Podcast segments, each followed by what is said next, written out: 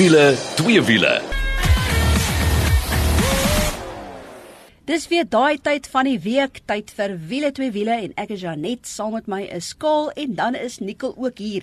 So ons is 'n volledige span. Hallo manne. Ja, verslag. Is lekker om saam met julle te kuier en uh, ja, dit is nogal 'n propvol program met uh, baie spoed. Dis reg. Och, julle, ons het 'n fantastiese padtoets van die week gehad wat ons met jou gaan deel en dan was daar ook 'n bekendstelling van die week. Nikkel het 'n interessante wenk vir ons. Nikkel? Ja, ons gaan 'n bietjie praat oor brandstofgebruik of kom ons sê dit nou maar energieverbruik. Want hoekom is diesels dan altyd altyd ligter as petrols en dan hoekom is elektriese karre die ligste op energie van almal dan nou? En dan staan natuurlik altyd twee wiele aksie ook en Mike McDouling gaan later by ons aansluit en ons gaan Suzuki V-Strom DL1050 gesels. Maar ouens, kom ons spring weg. Ons padtoets van die week. Ja, ons het so 'n bietjie gaan rondrits met Porsche se 718 Boxster Spider en ek moet vir jou sê wat 'n lekker speelding. Ehm um, nie heeltemal binne hom gepas nie. Ek dink Nicole het dieselfde probleem gehad as ek, want uh, ja, Nicole, um, iemand het vir my gesê by die werk my kop druk so 'n uh, knop bo by die dak. Ja, kom ons begin sommer by die negatiewe goed, dan kry ons dit uit die pad uit. Ehm um, ja, dis 'n afslaankap Porsche, dis hoekom die Spider name is. Dink bietjie aan 'n Porsche Cayman GT4. Dis eintlik dieselfde ding, maar die afslaankap. Daai kappie om af te kry het jy nog 'n redelike ingenieursgraad nodig en op te sit. Dis hierdie goed van druk 'n knoppietjie en alles gebeur self. Jy moet die helfte self doen, inklik al daai goed. So ja, een van dis daai dinge en ehm um, Kaal is reg. As jy oor die 6 voet lank is, dan uh mm, daai windskerm is ook 'n bietjie laag vir my. Ek het so 'n bietjie hier in die sonvisor vasgekyk al was hy opgeslaan geweest, maar uh, kom ons dis nou die al negatiewe goed wat ek het oor die kar. Ja, nee, ek het byvoorbeeld ou glad nie daai probleem gehad nie. So ja, wat die 718 Cayman betref, kry jy hom in 'n GTS en dan jou handrat jy outomaties en dan die GT4. Maar die Boxster wat nou natuurlik die afslaankap is, kry jy ook in 'n GTS, handrat en 'n Otto en dan kry jy ook net so te loop so 'n Boxster 25 years manual en ook 'n PDK en dan kry jy nou hierdie 718 Boxster Spider. Nou, ek dink die een ding natuurlik wat vir my uitstaan is daai PDK radkas. Dis 'n dubbelkoppeling soos wat hulle hom sal sê Porsche dubbelkoppeling. Wat 'n lekker radkas. Nou ek persoonlik verkies nog die handrat. Ek weet nie of julle my gaan afskiet daarvoor nie, maar kom ons gesels net gou oor daai PDK want dit interessant vir my, Nicole en jy wat nou meer aan die tegniese kant is. Hy het basies twee koppelaars. En wat vir my so interessant is, ek het 'n artikel gelees wat dit vir my Jan Alleman laat sin maak. As jy na 'n aflos kyk en jy het 8 mense wat in die aflos is, maar in plaas van om stadiger te gaan om die aflosstokkie oor te gee, kom die volgende ou klaar op spoed sodat jy nie spoed verloor nie. Dis basies wat hierdie radkas doen.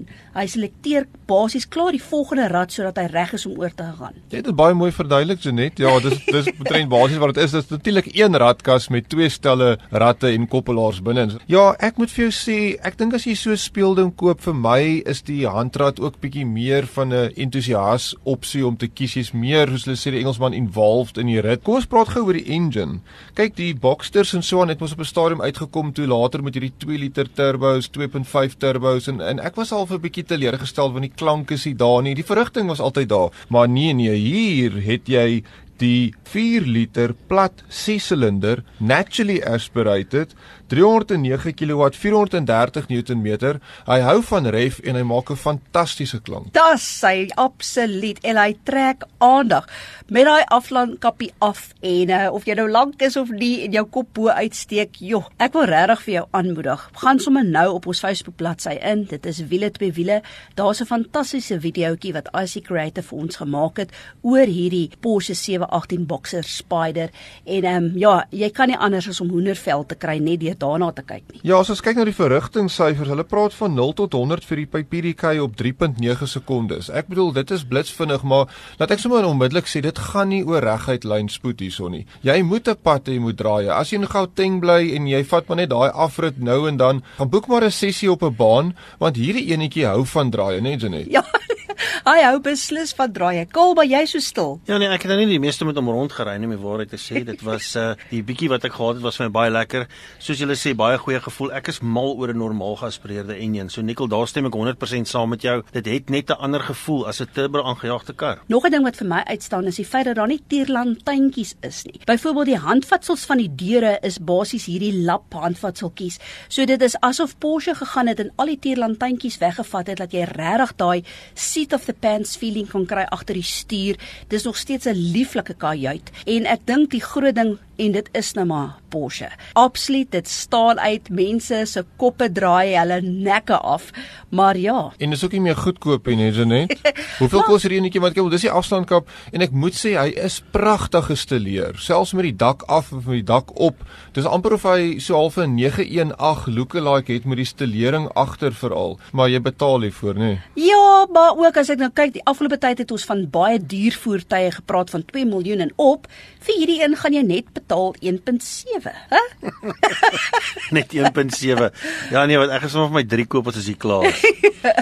Natuurlik kom al die veiligheidsaspekte, alles wat jy wil hê saam met hierdie Porsche 718 Boxster Spider. Maar ja, nou wat jy moet doen is jy moet seker maak dat jy gaan loer op ons Facebook bladsy want dan gaan daai pragtige videoetjie vir jou pronk en ek seker jy gaan ook hoendervel kry. Maar nou gaan ons oor na ons bekendstelling van die week. Ja, hulle het hulle nuwe Kona bekend gestel kom in 'n 2 liter enjin en 'n 1.6 turbo en lekker woelig. Ja, natuurlik nou met die vlak 4 COVID inperkings maak dit weer baie moeilik. Ons sou 'n ordentlike bekendstelling gehad het, maar hierdie keer het uh, Hyundai vir ons gereël dat ons by handelaarskap die kar kan gaan optel en dan hom alleen, jy weet vir 'n toetsrit vat so jy kan lekker tyd spandeer dit met die voertuig. Ek het dadelik gehardloop na daai 1.6 model toe. Jy kry hom in 'n 2 liter en 'n 1.6 model. Dis vir my nuus 1.6 wat ek onthou die Kona het altyd net daai 3 silinder 1 liter en daai naturally aspirated 2 liter. Nou jy ken vir my nê, toe ek nou hardloop na die kar toe, want hulle sê toe 2 liter, ek dog toe nee, ek wil die ander enetjie vat en ek spring in hom. Nikkel, uh, jy kan dit nie glo nie. Toe ek die eerste keer my voet neersit, daai dingetjie wikkel, hoor. Ek wil jy kyk na 146 kW wat hulle daai 1.6 uithaal. So hy is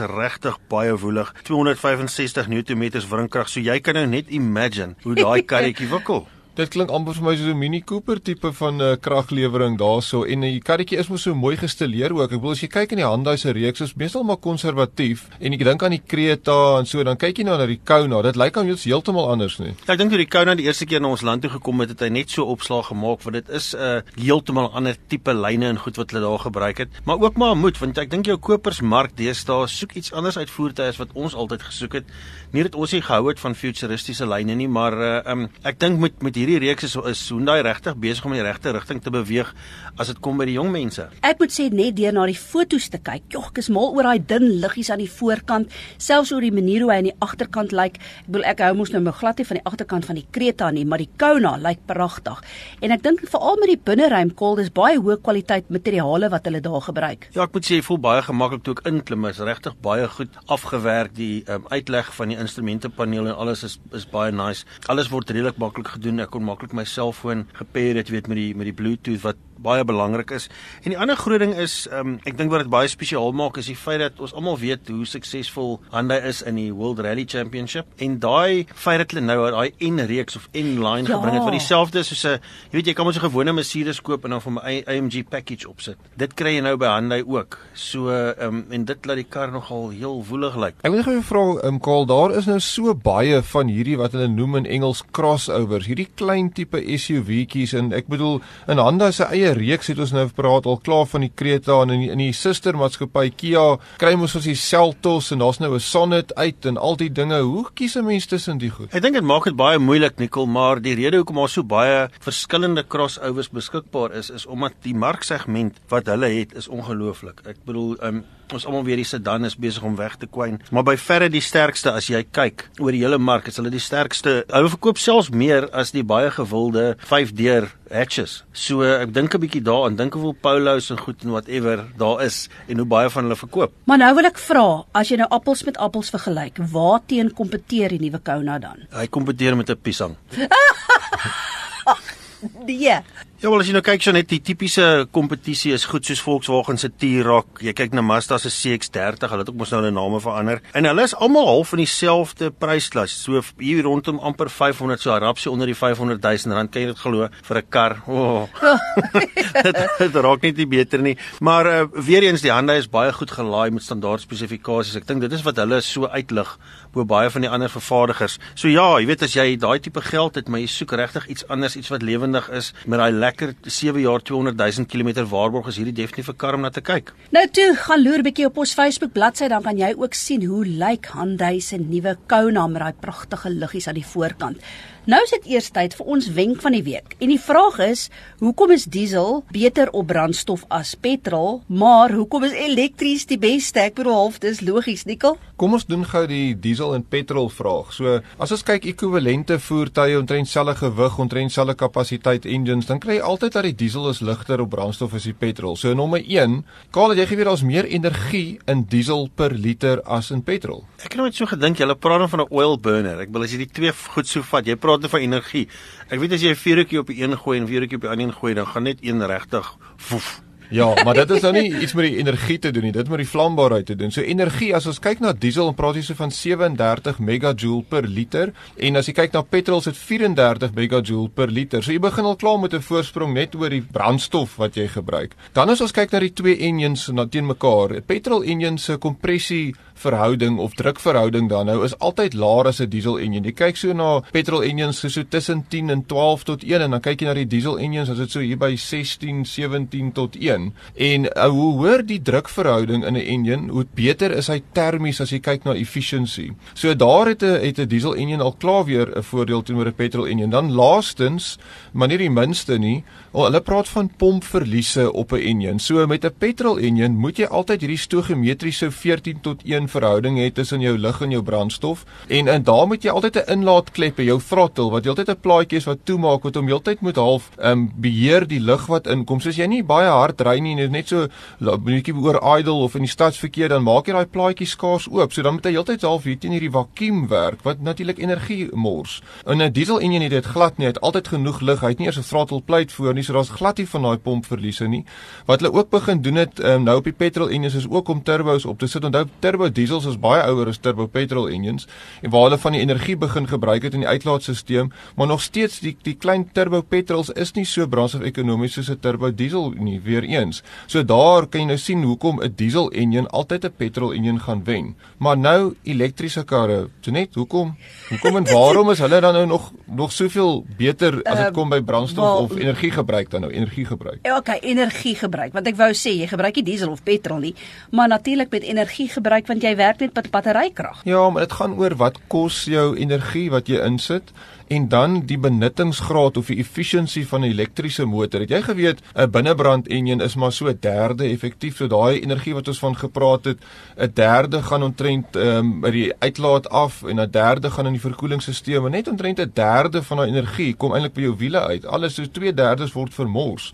Nou kyk jy na 'n elektriese motor, raai e-, efficiency? Niks word vermors nie. Nee, ek kan al word 'n bietjie nee. vermors, maar meer as 90%. Nou sien ek so jy gaan onder 10% 10% verliese in in elektriese motor. So dis een van die groot redes hoekom hy so goed is op energie en al alhoewel ons weet Eskom sukkel baie keer om ons die krag uit te kry, maar as jy gaan kyk die eenheidskoste van die energie teenoor jou brandstof en jou diesel, dan is dit ook nog steeds goedkoper vir wat jy kan gebruik in 'n elektriese kar. Ja, ek dink met daai Porsche wat ons gehad het, die Taycan het ons 160 eh, rand se ehm um, brandstof aanlandingstekens elektrisiteit ingegooi of ingesit en nou is dit 'n ryk afstand van oor die 400 km gehad. Ek dink nie daar's enige kar wat daarby kan uitkom nie. Presies. So hulle praat van elektriese karre is tot 75% meer effektief as 'n diesel aangedrewe kar van dieselfde vorm en, en massa. Nou toe, dit is wat ons wenk van die week betref. Ons gaan gou-gou eers asem skep. Maar voor ons dit doen, die ATKV is 'n diverse en inklusiewe kultuurtuiste vir alle Afrikaanssprekendes,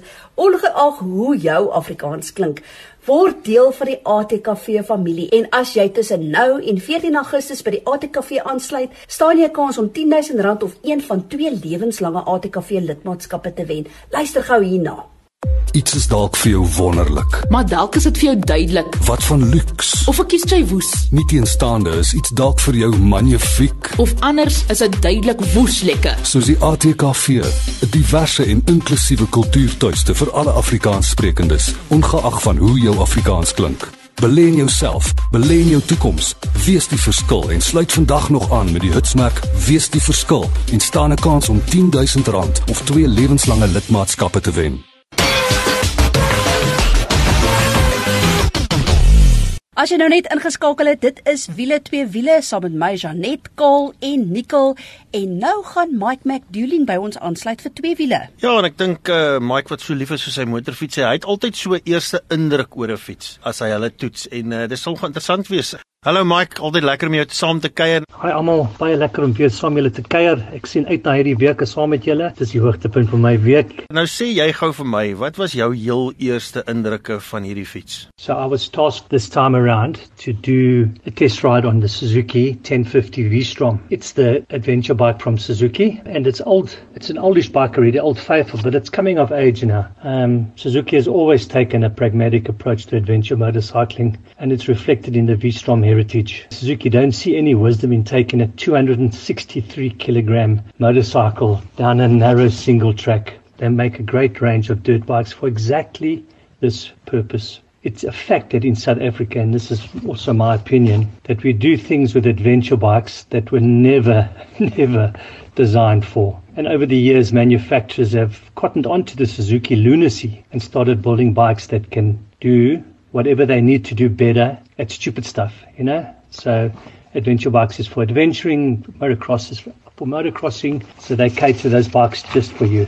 Mike, ek verstaan die engine grootte is 'n bietjie groter nou. Vertel vir ons wat 'n verskil nou van die vorige model? The bike retains its V90 degree twin engine and from over time the engine grew from 996 to now the 1037. It's got a bigger and, and better cam, bigger throttle bodies, and uh, increased compression, which is good. This now makes power at 106 brake horsepower and a lot more torque at slightly, slightly high revs. Ja, ek moet nogal saamstem met Mike wat hy ook in die begin gesê het van dat Suzuki is gefokus daarop om 'n motorfiets te hê wat purpose built is. Nou is my vraag vir wie is hierdie V-strom nou spesifiek gemik? The bike is aimed at the sports tourer with gravel road ability, but Suzuki say, you know, as I mentioned before, that they want to give bikes where they've got to be used. So this adventure bike, as I said, is not going to go down big tracks, single tracks and stuff like that. That's not what it's built for. The bike is a sports tourer with gravel road ability. I would say 75% road and 25% gravel. And you're very safe with that. Daar was ook 'n hele paar veranderinge. Ek weet aan die verkoelingsstelsel, maar vertel ons 'n bietjie meer daarvan. Cooling now, the radiator is 15% bigger for much better cooling. Electronics now has a fly-by-wire throttle, and what an impressive throttle it is. It's really,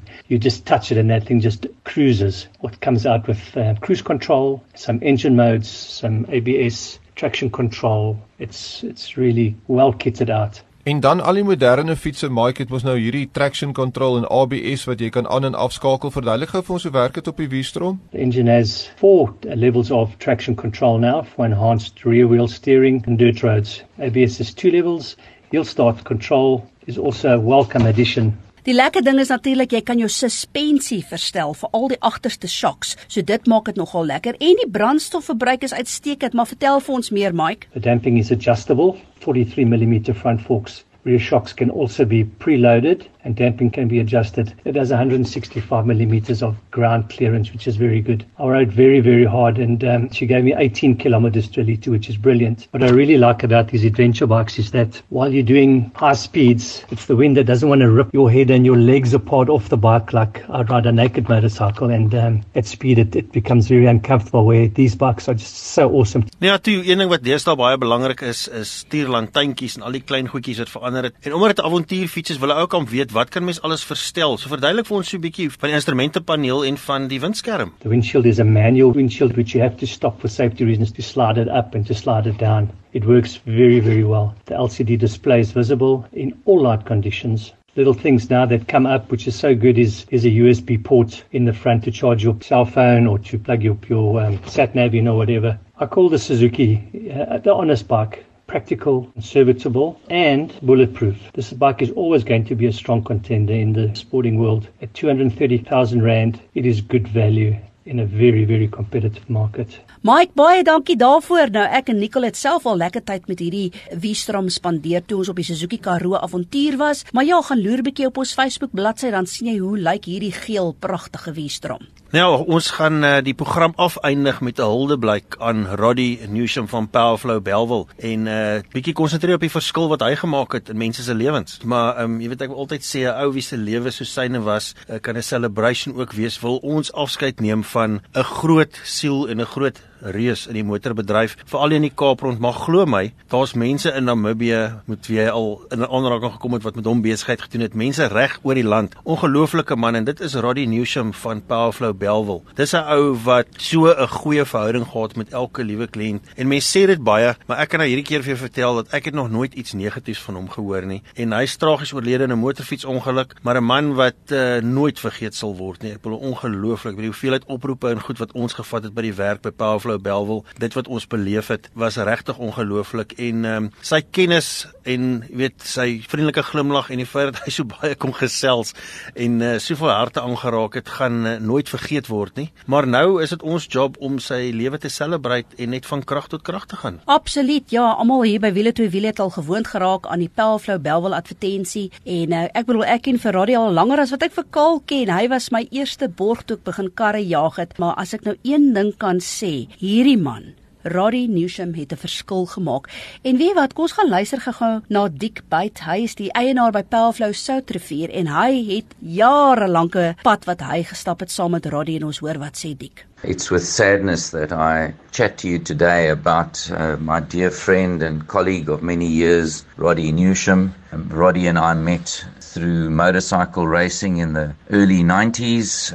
He uh, was a competitor, and I was uh, the chairman of the motorcycle section. And it didn't take long for the two of us to strike up a, a wonderful and lasting relationship. Through the, the relationship that we built, I'd started Powerflow Salt River and uh, needed somebody to help me run the business. And after many evenings chatting together, Roddy agreed to give up his job as an electrician and come and join me. We spent three years learning about the exhaust industry and learning about building of custom exhaust systems on motor vehicles in our Salt River operation. And um, we then started, three years later, we started a new operation in Belleville where Roddy became the part owner of that business. And um, yeah, Roddy had a wonderful work ethic. He, didn't give up on things. He saw things through to the end. He didn't disappoint. He was a, a committed Christian man. And yeah, Roddy was a great guy, an ethical guy, an honest guy. He always put other people uh, before himself. He dearly loved his family. He loved his staff. Got on well with all the suppliers. And um, Roddy could talk. He loved to talk. And anybody who met Roddy would know a little bit more about him at the end of a conversation than what they did before they started chatting to Roddy. Roddy walked in faith. He did what was right and pleasing in God's eyes, and um, yeah, set an example to to so many people in his sacrificial giving. And as I said, by putting other people before himself. He was never, what can I make out of this? What can I do out of this? He said, what can I give back to other people? What can I give back to my staff, to my family, to my colleagues? Yep, Roddy was a giver. He definitely wasn't a taker. Uh, one of the things that stood out for me in Roddy's life that he loved God. He attended church regularly, was part of a community there, and uh, set an example to those people around him as to how to live and conduct his life. He came from a, a Christian family where uh, biblical principles were taught to him, and I think that was where his success came from. Was when his strength came from was was from knowing God and yeah, I think Roddy's going to be sorely missed, uh, definitely by myself and my family, and um, also by his staff, and for every customer that has known Roddy and through the industry at Powerflow Belleville. Yeah, he's he's definitely going to leave a hole in the motor industry that uh, it's going to be difficult for somebody to fill those shoes. Nou ja, daar is dit nou, jy weet, van iemand af wat 'n uh, lang pad saam met hom gestap het en uh, regtig net van lof kan praat met Roddy. En daai storie wat jy nou by Diek gehoor het, sal jy letterlik by elke liewe ou hoor wat ooit sy hand geskit het of met hom gesels het. So Roddy Newsham, rest in peace ou maat. Ons sal jou legacy verder vat en uh, ja, ongelooflik Buffalo Bellville se deure is waarwyd oop en jy kan nog steeds daar inloer en ons gaan probeer. Ek sal my glimlag soveel uitpak as wat ek kan. Dis dit vir wiele twee wiele vir hierdie week. Dankie dat jy saam met ons gekuier het. Tot volgende week toe. Hou daai wiele aan die rol.